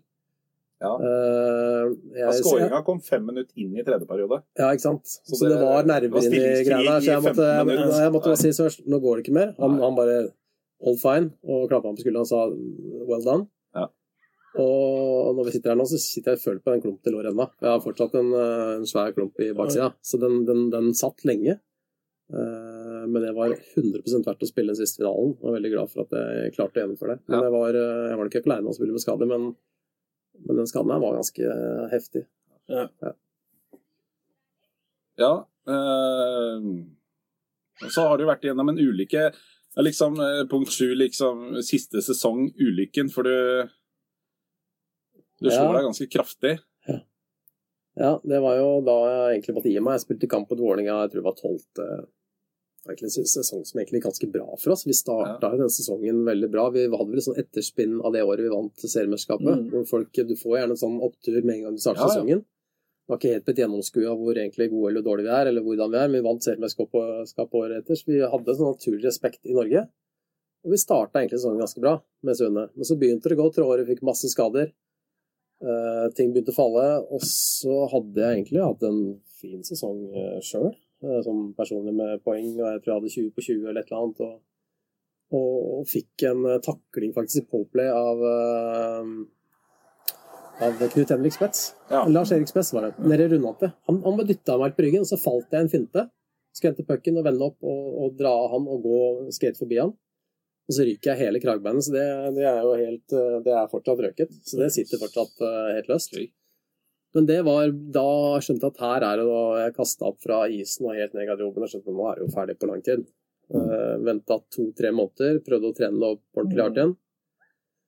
Og fikk tok en MR og fikk jo egentlig beskjed om at det er greit. Ja. Uh, første matchen i en kvartfinale, eller noen to-tre kamper før kvartfinalen, så røyk jeg den rett opp igjen. Første kamp med Ja. bang. Så jeg spilte vel kvartfinalen, men vi røyk ut mot Vålinga tre strake. Ja. Fire. Så da var, eh, da var det slutt. Ja. Og så, eh, så vurderte jeg faktisk å gjøre comeback året etter. Jeg var, for, jeg var jo fortsatt ikke ferdig. Jeg var 34 år. Jeg følte Ja. at jeg hadde en tre-fire år til. Mm. Syns fortsatt Absolutt. hockeyen var kjempegøy. Ja. Og så hadde jeg eh, og trente meg opp og ringte Vidar Wold, som var sportssjef den gangen, og lurte på om er det mulighet for meg å få kontrakt hvis jeg har gjort jobben min i sommer. Og det hadde jeg gjort. Men så falt jeg fra garasje hjemme. Jeg bygde jeg jobbet som musioterapeut. Uh, massør hjemme. Og falt ned fra garasjen, og fikk garasjen over meg. Og da sto ankelen opp mot nesa mi. Så det spratt ut av ledd, og jeg røyk eh, seks av seks muskler i, eh, fra lår og leggen og opp. Knuste alt av menisker, leddbånd, korsbånd. Lå på sykehuset egentlig i 27 uker. Så var, det var ganske alvorlig. Jeg hadde Jeg sier jo egentlig at jeg har hatt flaks en gang i livet, og det, det er når jeg falt ned fra garasjen. For da var det så nære at jeg var borte. Og fikk takstolen over meg fra seks meter. At eh, jeg hadde bare flaks. Ja. Så da var det definitivt slutt på, på det comebacket der. Ja. Og hockeyen eh, har egentlig ikke noe særlig på skøyter etter det. Jeg har kanskje knippe på hånda som jeg har gått, men, Ja. eh, men det, var, det var surt. Da var, jeg, da var jeg i god form.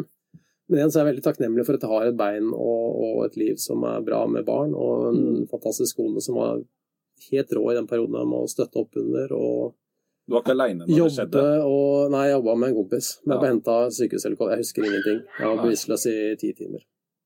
Men da, da Så kona var jo en bauta i der, Ja. de årene der etterpå, da. Så det har vært noen tøffe år i ettertid, men nå, nå er man jo der, og nå sitter Ja. man som eh, Nå er man en pappa, da.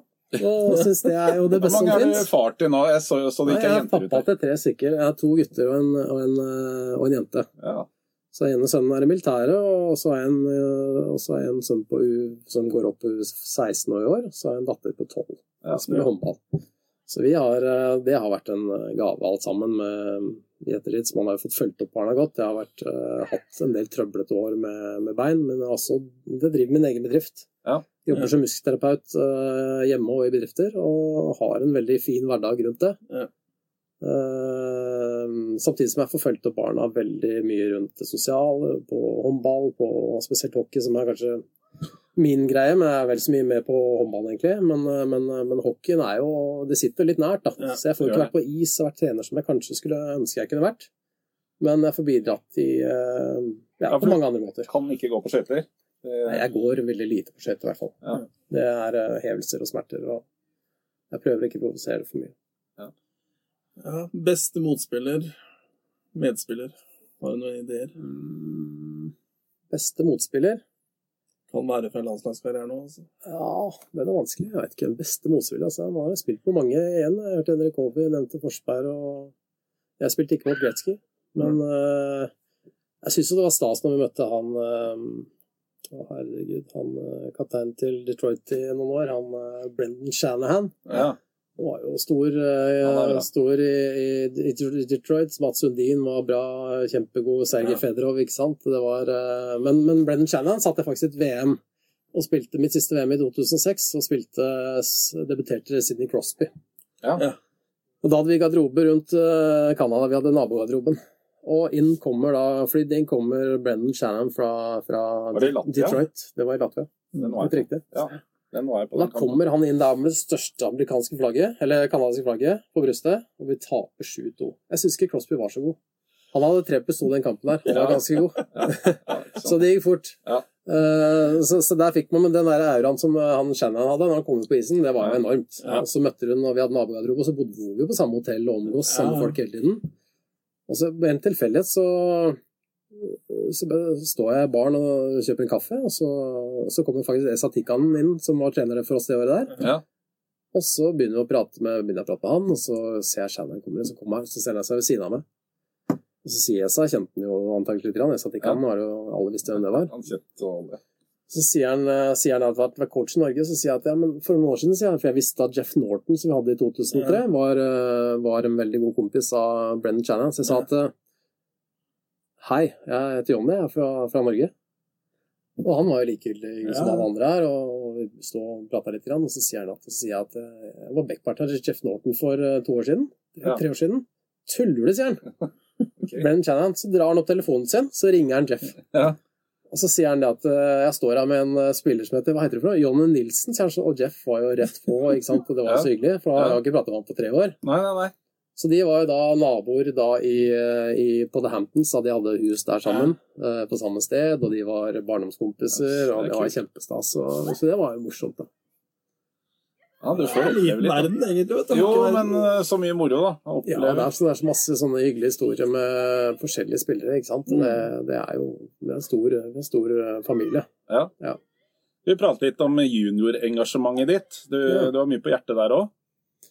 Ja, mye på hjertet. Vi er, det er jo blitt det som liksom på en måte har tatt over etter Som jeg ikke kan være trener eller kanskje bidra på andre måter. Så har man jo et stort engasjement rundt det som, eh, som skjer med ungdomsavdelinga å gjøre da, i Asker. ja. Det er jo kanskje den viktigste biten som Von Frisk har. Altså, vi skal jo jo med alle sammen. Der er vi alle med. Ja, det har blitt det, ja. Ja, ikke sant? Og vi skal jo produsere spillere til A-laget. Det er jo mål nummer Det er, det er målet. Ja.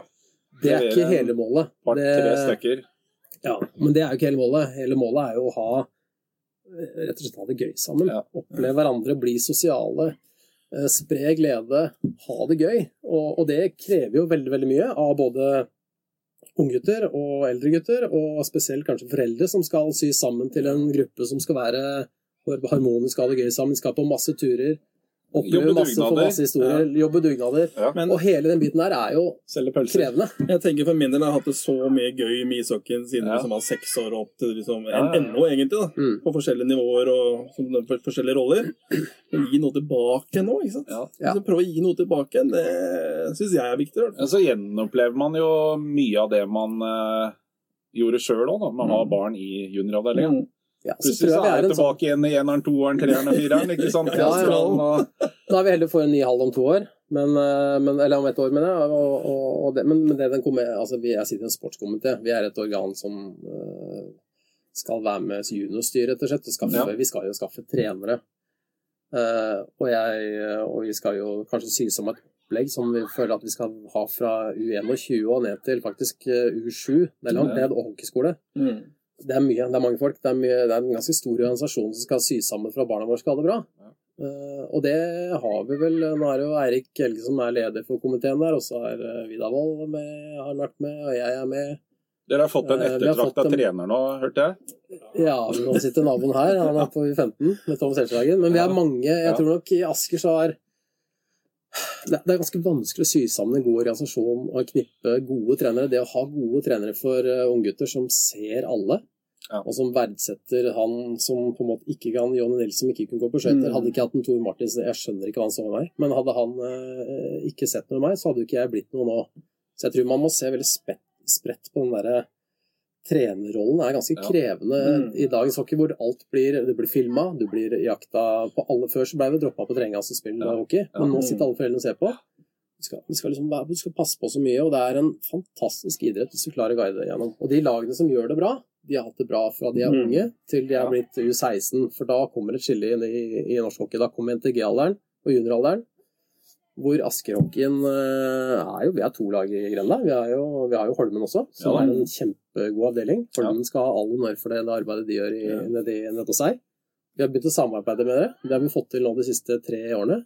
Fire årene.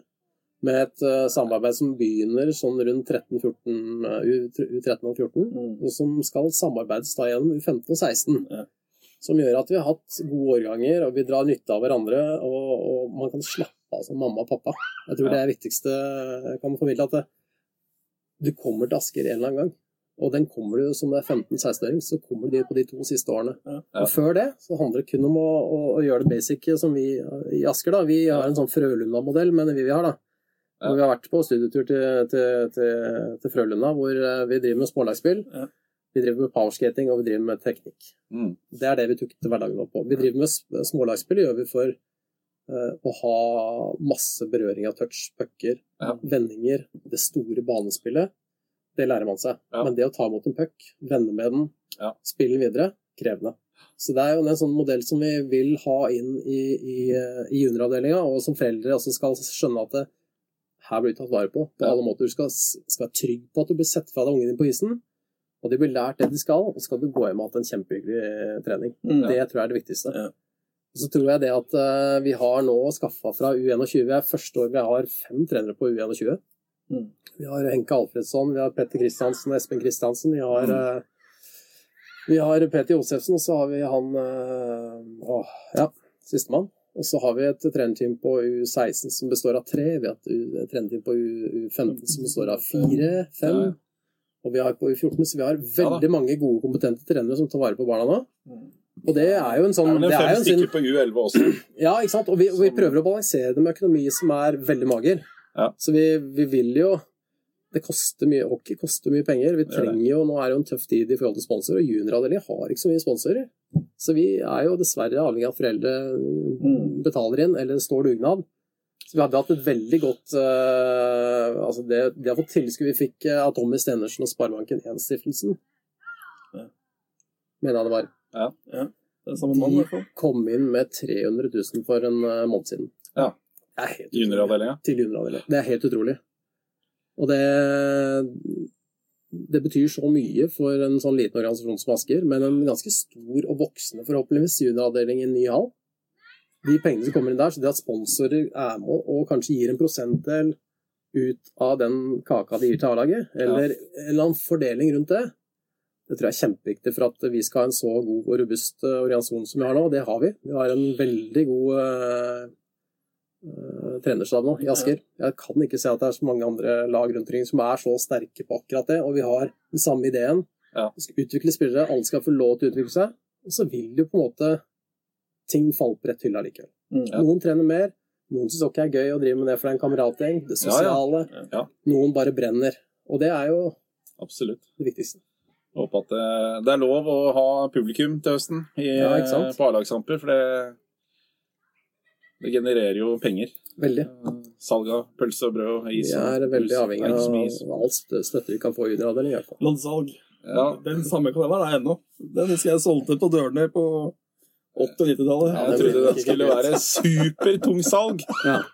La det ut på Facebook. Hele kalenderen gikk på Ja, ja. kveld. Er mye, mye, ut, altså. mye minner blant den Jeg tok en kalender til. jeg. Den gikk ikke fullt så fort, for da var ikke kona like engasjert. Men eh, vi, vi ble kvitt den. Ja, nei, eh, vi har prata i 1 time og 14 minutter. Har vi vært innom eh, spillere, lagkamerater? Du har nevnt en del gjennom Ja, jeg skal vel lage en rekke, jeg også, da. Eh, Skjønner jeg. Ja, Gjør Det er litt vanskelig å liksom rangere ut folk, for jeg har spilt sammen så, og jeg har også spilt sammen med veldig mange gode spillere. Ja.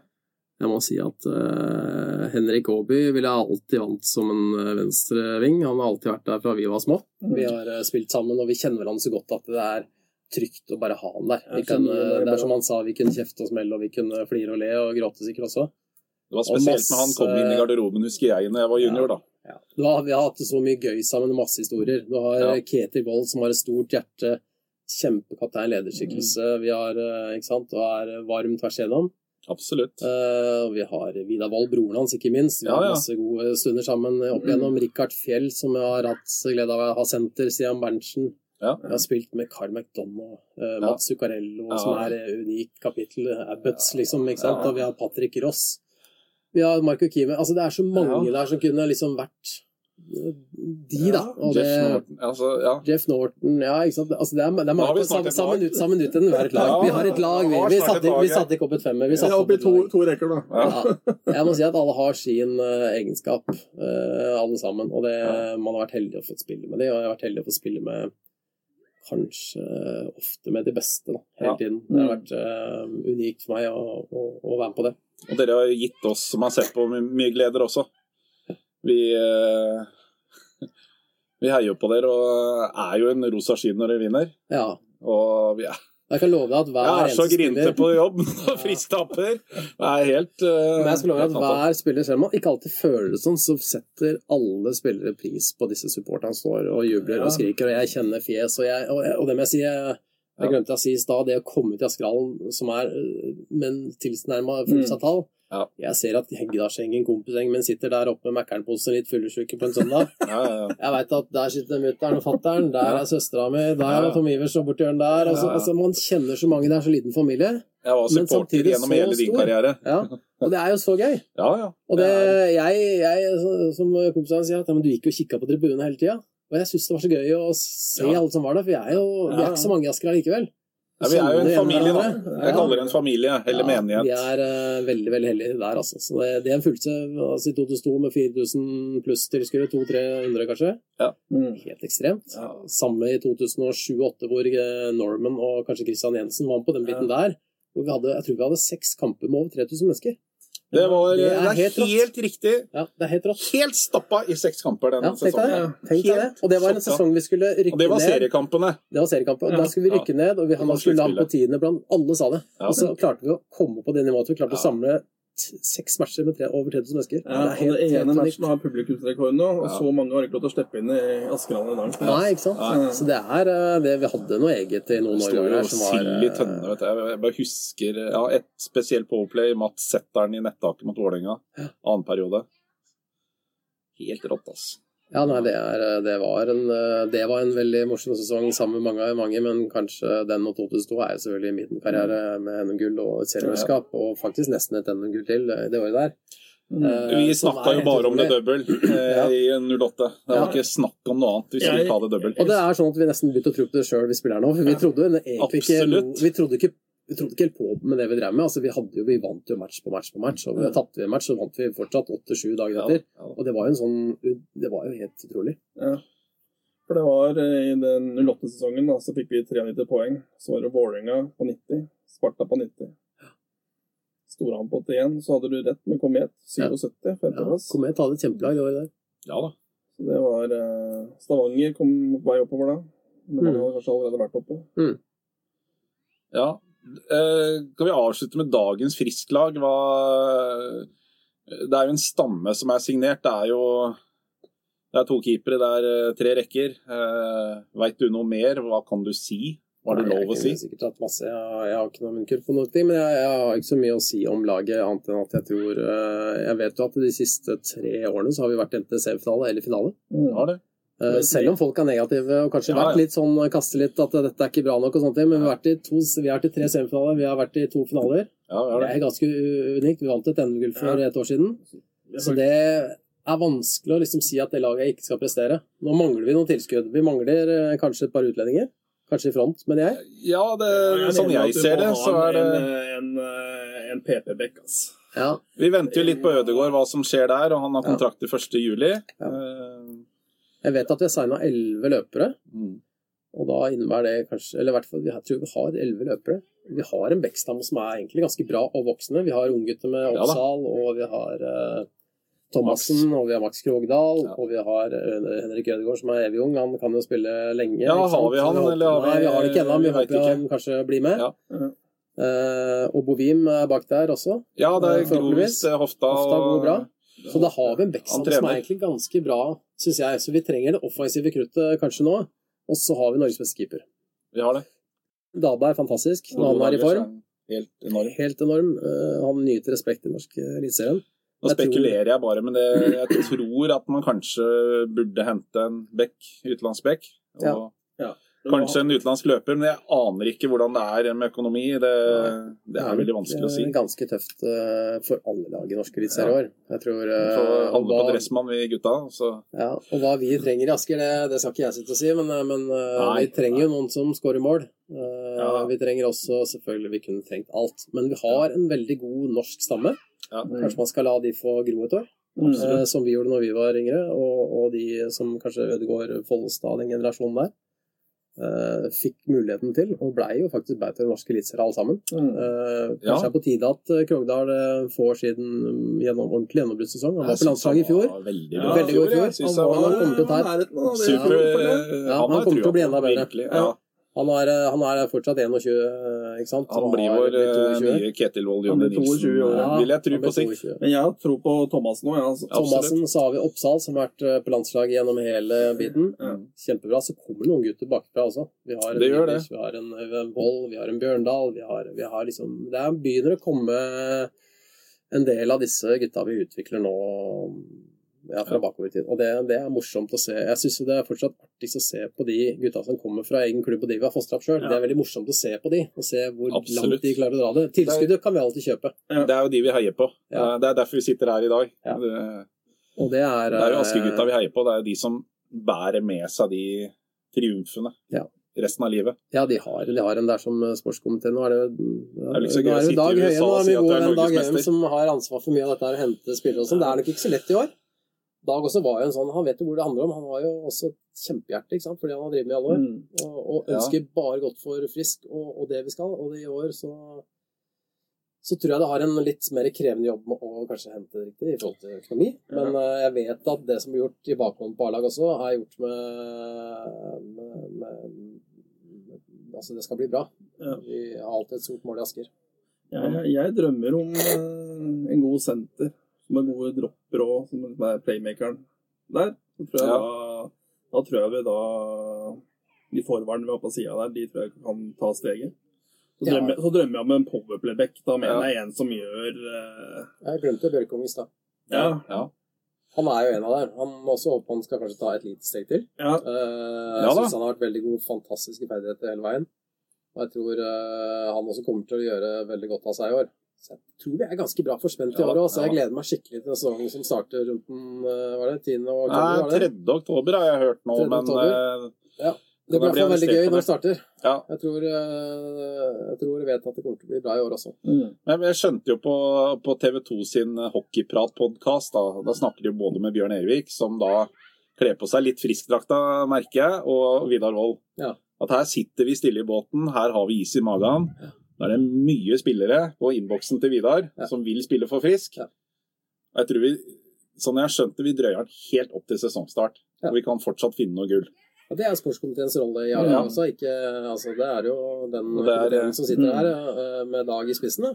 Og det er jo, handle om å treffe den riktige, og treffe eller flaks med han ene. For det er jo litt flaks i den der finne Ja, ja, utlendingen. Du skal ha Tenk deg alle de ligaene som er ute etter utlendinger òg, da. Ja, ikke sant. Og det er ikke alltid det klaffer, men i Asker har vi hatt en ganske god tjeneste. den. Så er det jo det, er ganske bra. Ja. Ikke bli lurt av de der statistikkene de kommer med med assister og skåringer og Du må kjenne ligaen godt, Ja, godt, ikke altså, fra den der de kommer fra. Det, ja, Jeg veit jo at jeg har store forventninger til enkelte, og så er det litt sånn Nei, det ble ikke helt sånn. Og så kan det plutselig komme en du ikke har noe forventninger til, Ja. som er knallgod. Jeg har tiltro til at de gutta som skal fikse dette, her, eh, skaffer de riktige uh, verktøyene som skal til for det laget her til å vokse videre. da satser vi på at Dag eh, og gutta gjør jobben. Det, Ja. Mm. Har eh, Jeg tror vi må avslutte. Ja, vi eh, har ett spørsmål igjen, da. Det er jo Tigernes kongepokaler. Ja, Det er et av standardspørsmålene våre. Men nå, har vi fått, nå kan du fortelle, nå har vi fått svar fra Jeg forbundet. fått, ja, jeg har vært i kontakt da med Ishockeyforbundet angående kongepokalene, og fått vite at de eies jo av- idrettsfor, eller Norges idrettsforbund i utgangspunktet. Er de som deler dem ut, og den følger klubben.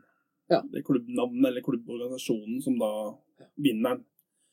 Men i og med at Tigerne da har blitt frisk, så er det ikke noe i veien for at Frisk hedrer de i sin hall, i og med at de flytta over.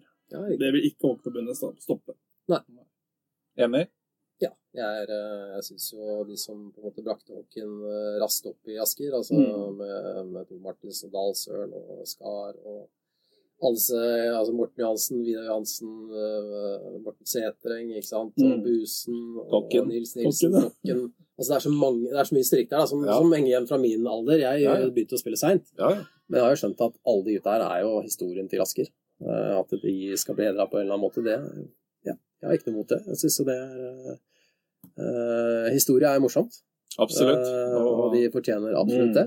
Uh, og for en gjeng det har vært. altså Det har vært en kjemperessurs oppe i Jørgen Haga. Altså det, det har vært så mange der som har bidratt til ungdomshockeyen og opp hele veien opp til A-lagshockeyen. De har vært trenere, stått der kveld ut og kveld inn Mm. og, og ikke fått mye penger for det, det vet jeg. Men har et så stort hjerte for den klubben her, og Ja. det er de gutta her vi prater om. De gutta fra den 60-70-80-årsgenerasjonen, dem er, eh, har vært uh, uvurderlige for Frisk Asker. Ja. Så ja, absolutt, jeg er for det. Da, Så- da satser vi på to flagg til. Ja. I ny uh, En ny, ny Askerhallen. Men Ja. jeg må si en heder til dere også, som har starta en podkast her. Jeg tror eh, alle som er rundt det, setter veldig pris på det. Vi er, eh, vi er en så liten, men stor familie allikevel, så jeg tror dette her blir Nei, Det har vært eh, kjempemorsomt å høre på de episodene som har vært før, og gleder meg til å fortsette med dere. Ja. Det er eh, et kjempeinitiativ. Vi, Jeg er veldig glad for å være stolt av å være selv også. Det har vært eh, en glede for min del å, å sitte her og ja, skravle litt om min lille karriere. ja, men den er, den er imponerende. Det er, det er få som vinner noe i Frisk, og du har to titler som henger høyt. Ja. Pluss all den moroa du har vært med på. Begge titlene min levetid, Ja, i hvert fall. ja da. Så må vi takke tilbake igjen at du, du stiller opp. Eh, vil jo også takke Olav Dalørn, Tor Martinsen, Mette som stiller opp, som er frivillig. Robban, Ja. som eh, har trent opp Ja, eh, ja. masse bra spillere. Kjetil Wold formidler. Mm. Henrik Aaby formidler. Og, og du, eh, Jonny Nilsen. Det er, og vi håper jo på å få mange flere utover høsten. Når vi eh, forhåpentligvis kan være i Askerhallen og, og møte folk. Og gjøre en positiv greie ut av hockeypodkasten. Det er målet vårt òg. Det skal være Mm. positivt. og Ja. Prøve å få tak i noen eh, legender, da, som vi kaller det. I hvert fall i, i våre liv. Det tror jeg kommer til å bli kjempebra. Jeg vil i hvert fall si god sommer. God sommer. Det har vært kjempehyggelig. Vi tar litt eh, sommerferie nå. Eh, jeg reiser til Nord-Norge og skal fiske litt. Hva skal du gjøre, Tom? Jeg skal til Kristiansand dyrepark, i hvert fall. Jonny? Jeg er litt usikker ennå. Det, det blir sommerferie, og det Ja. Det skal bli godt å legge beina litt høyt. Massere litt? Massere litt. Ja. Så takk for meg. Ja, takk for oss. Ja. Takk for oss.